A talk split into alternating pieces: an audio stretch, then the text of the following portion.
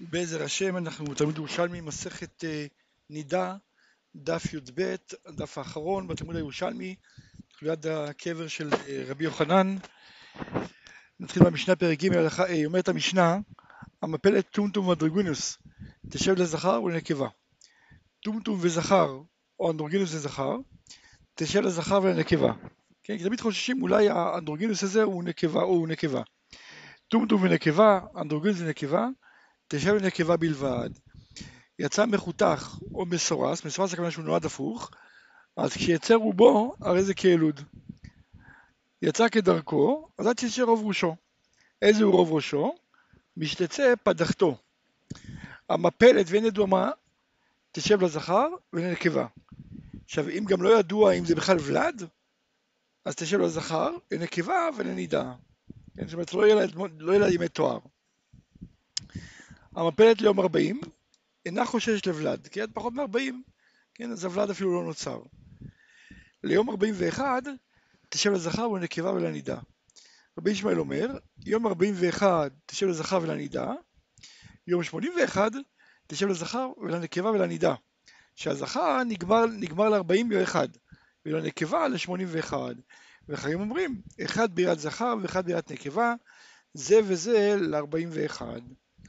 אומרת הגמרא, כל אין דתנינן תשב לזכר ולנקבה, אז בעצם נותנים עליהם את החומרה של זכר וחומרה של נקבה, כן?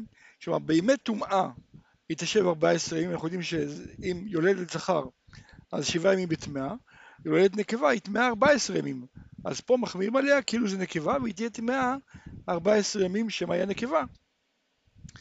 ולאחר מכן הרי יש ימי תואר, אז בזכר הימי תואר זה עוד 33 ימים, ובנקבה זה עוד אה, 66 ימים, כן? אז פה תשב 26 ימים ימי תואר, כן? כי אנחנו הורדנו לה שבעה ימים, הפך אותם לימי טומאה. אז תשב כאילו כמו זכר, כלומר יהיה לה ימי תואר כמו זכר, כן? פלוס פחות השבעה ימים שבהם הייתה טמאה בגלל שחששנו שמה זה הנקבה. כי נותנים עליה חומרי זכר וחומרי נקבה. אומרת הגמרא דדה תמר לביתה, כן? להיות טהורה לבעלה, אבל לטהרות, אז תשב כל ימי תואר של נקבה, כלומר צריך להגיע עד 80 יום מהלידה, כן, אמרנו שכיוון שגם בימי התואר הרי אסורה בטהרות, אז לכן בעצם מחמירים עליה שתהיה אסורה כל ה-80 יום בטהרות. תלן, לעבוד במשנה טומטום וזכר, אנדרוגינוס וזכר, תשב לזכר ולנקבה. והיא צריכה לנהוג כמו שאמרנו 14 ימים טמאים כיולדת נקבה, וחושבים על זכר בימי תואר, כלומר לא נותנים לה אלא רק את ימי תואר של זכר. אז אמרנו 33 ימים, אבל מתוך זה מורידים את השבעה ימים שכבר עברו, שהוספנו לה כאילו שהייתה יולדת נקבה. אם זה טומטום ונקבה, או אנדרוגינוס ונקבה, תשב נקבה בלבד, ולא חושבים לזכר בכלל, כן? כי הרי יש נקבה. אומרת הגמרא, אדם רע, שאם ילדה זכר ונקבה, או נקבה וזכר, אז תשב לנקבה, כן, בלבד. תנן, למדנו במשנה אם יצא מחותך, מהחתוך או מסורס, כלומר יצא הפוך, אז כשיצא רובו, הרי זה כילוד. יצא כדרכו, עד שיצא רוב ראשו. שואלת הגמרא, מחותך, שיצא ראשו מהו? כן, האם הראש נחשב עיקר, ואז אם יצא הראש, זה כבר נחשב ילוד, למרות שבעצם הוא יצא מחותך? שאני אומר לא, רק אם הוא מחובר, כן, רק הוא כדרכו, רק אז, רק אז אם יצא ראשו זה נקרא ילוד, אבל אם לא, צריך רוב, רוב גופו. אז רבי אסא אמר, התפלגו לרבי יוחנן ורבי אלעזר. רבי יוחנן אמר, ראשו כרובו, כלומר אפילו במסורה, אפילו מחותך, אז ראשו כרובו, אם יצא הראש, הוא כבר נחשב ילוד. ורבי אלעזר אמר, ראשו כאחד מאיבריו, הוא מצטרף לרוב, אבל הוא לא, לא נחשב יותר מאחרים. ואתה אומר, תנא פליג על רבי יוחנן, דתניא, יצא מחותך או מסורס, כלומר הפוך, אז מי שיצא רובו הרי זה כילוד. אז רואים שהראש לא פותר,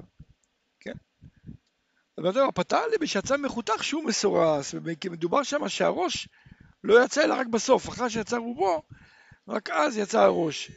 אז פה הולכים אחר הרוב. אומרת הגמרא, מתנית פליג על רבי יוחנן דתניא, יצא כדרכו עד שיצא רוב ראשו. כן? אז הדק אדמייתא אמרה שראשו לא כלום, כן? כתוב שיצא. זה משהו שמחותך, לא תלוי ביציאת הראש, כן? כי אתה אומר שרק אם יצא כדרכו, אז תצא רוב ראשו. מה שאם הוא יצא מחותך, לא תלוי בכלל בראש. אומרת הגמרא, לא, בכל מקרה צריך שיצא רוב ראשו. אלא אם, לא שיצא ראשו, אלא שאם יצא כדרכו, די ברוב ראשו. אבל אם יצא מסורס, כן, או סליחה, אם יצא חתוך, אז פה אני דורש שיצא כל הראש. רבי יוחנן ורבי שמעון לקיש, רבי יונתן, רבי יונתן, סליחה, רבי יונתן ורבי שמעון לקיש. רבי יונתן כרבי יוחנן, הוא סובר שראשו כרובו, ורבי שמעון לקיש כרבי אלעזר, שהוא סובר שראשו כמו אחד מאיבריו. ותגן אתנן, איזה הוא רוב ראשו? מי שיצא פדחתו. רבי זרע מח ולחבריה, הוא הראה להם, הדגים להם מה זה, מה זה פד... הוא אמר להם, הראה להם פדחתו וגולגולתו. כן, כשברגע שיוצא הפדחת, אז זה כבר יצא רוב הגולגולת. אומרת הגמרא, דדי בגמליאל ברב ליאני בא כברבי מנא. מכיוון דעת אמרת שמחותך זה ולדו וימות מהלידה, אז אם כן, מעתה הבא אחריו, שלא יהיה בכור, לא לנחלה ולא לכהן. כן? ולמה שנינו שהבא אחריו הוא בכור לנחלה? אמר לי, תיפטר שיצאו מתים. וכתיב ראשית עונו. מה זה ראשית עונו? מי שליבו דווה עליו. וזה כיוון שאין לב אביו דווה עליו כי הוא נולד מת, אז אבא עוד לא נקשר אליו, הוא לא נקרא ראשית עונו. אז לכן הוא, הוא, הוא, הבכור לנחלה. אמר רבי יצחק בר נחמן רבי אלעזר, נכבסה גולגולת העוף ברובו, כלומר אם הגולגולת היא התרסקה ברובו, כן, אז הולכים לפי רוב, ואז זה טרף. אם, לא, אם זה לא רובו, לא טרף. רבי זרע אמר בשם שמואל, נפסקה גורגרת העוף ברובו. כן, כלומר גם הגורגרת, אז הנקב שפוסל שמה זה ברובו. עתה עודה קמא רבי יוסף בעוף אחד שניקב מלומחת בגורגורת, כן? אמר רבי יוסף, וכי אנו יודעים איזה הוא רובו, ברור שאין כאן רוב, אז אם זה ככה, כיוון שברור שאין כאן רוב, כן, אז אה, ברור שזה טהור, שהעוף הזה הוא כשר והוא אה, לא טרף. עדיין הלך פרק פרק, עדיין הלך פרק פרק, עדיין הלך פרק פרק אם ירצה השם. עכשיו מכאן ואילך בעצם אין אה, בדיוק גמרא, בתלמוד ירושלמי, יש אה, רק קטעים ממש ממש קטנים, נקרא את המשנה, פרק ד' הלכה א' אומרת המשנה, בנות כותים נידות מהריסתן, כלומר גזרו עליהם כיוון שהם אה, סברו שרק אישה, רק בה שייך נידות, ולכן אה, גזרו עליהם כבר מהריסה שיהיו נידות. והכותים מטמאים משקל תחתון כעליון, זה שאין בו עלי נידות, ונזות על כל, על כל דם ודם, כלומר כיוון שלא היה להם את המסורת של אה, דמים, כן, איזה דם מטמא ואיזה דם טהור, אז הרבה פעמים מטועות, אז לכן גזרו שהם בועלי נידות ויושבים ו... ולא חייבים עליהם על ביאת מקדש, על ביאת מקדש כיוון שזה רק ספק, גם לא צופים עליהם את התרומה, ושתרומתם בספק. כן, אומרת הגמרא, דם נידה זעום, דם בתולים אינו זעום. כן, דם נידה אדום, דם בתולים אינו אדום. דם נידה הוא בא מן המקור, דם בתולים אינו מן המקור אלא מהצד, כן, האור שנקרא. בדעת הלכה בית אומרת המשנה, בנות צדוקים, אז בזמן שנהגו ללכת דרכי אבותן, הרי הן ככותיות. פרשו ללכת בדרכי ישראל, הרי הן כישראל. רבי יוסי אומר לעולם הם כמו ישראל עד שיפרשו ללכת דרכי אבותן. כן, מסתם רוב הצדוקים נהגו כמו חכמי ישראל. ודעת החגימיות המשנה, דם נוכרית ודם טהרה שמצורעת, אז בית שמאי מטהרין, ובית אל אומרים כרוקה וכמי רגליה, כלומר זה מטמא לך ולא יבש. דם יולדת שלא טבלה, כלומר יולדת שלא טבלה אחרי הלידה, אז בעצם אומרים כרוקה וכמי רגליה, כן, כמו שאמרנו זה מטמא לך ולא יבש, בעצם אומרים לא, זה כמו נידה לגמרי, זה מטמא לך ויבש.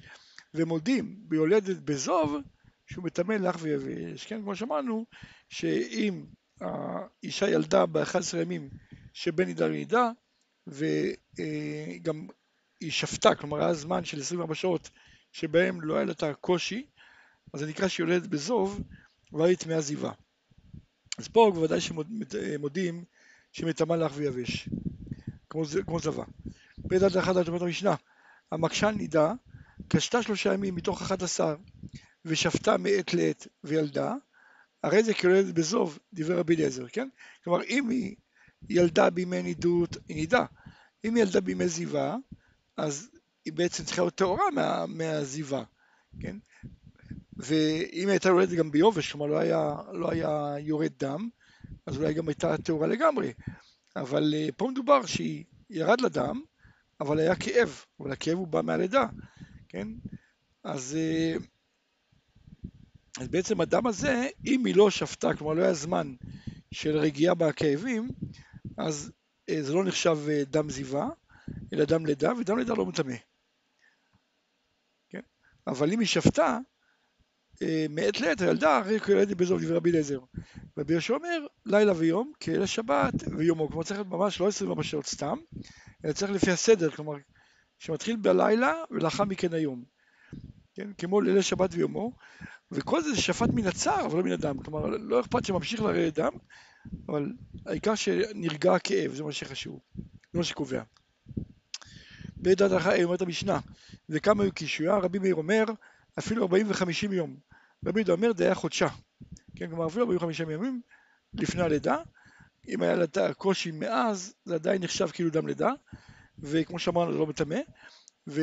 אה, ורבי יהודה אומר, דיה חודשה, כן? דיה חודשה, כלומר החודש האחרון. רבי יוסף ורבי שמעון אומרים, אין קישור יותר משתי שבתות. כן? ולגבי דיה חודשה ראינו במחלוקת, האם הכוונה החודש התשיעי שלה, או, כן?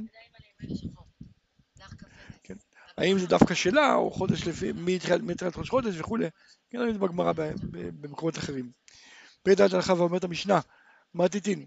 המקשה בתוך שמונים של נקבה, אז קודם שהיא רואה טהורים, עד שיצא הוולד. כלומר, אם תוך השמונים ימים, כן, אמרנו שיש לה, אה, אם יולדת זכר, אז יש לה שבעה ימים טמאים, לאחר מכן שלושים ושלושה ימים בדמי תואר, ונקבה זה 14 אה, ימים טומאה, ולאחר מכן עוד 66 ימים של דמי תואר. עכשיו בזמן הזה יכול להיות שייווצר ולד, כמו שאמרנו, אחרי 40 יום הוולד ניכר. אז אם הייתה, אם ילדה נקבה, ובתוך ה-80 ימים, כן, היא הקשתה, כלומר התחיל, התחיל אה, לצאת לה דם וכאבים של לידה, כן? אז כל דמים שהיא רואה, טהורים, עד שיצא הוולד. רבי אליעזר מטמא.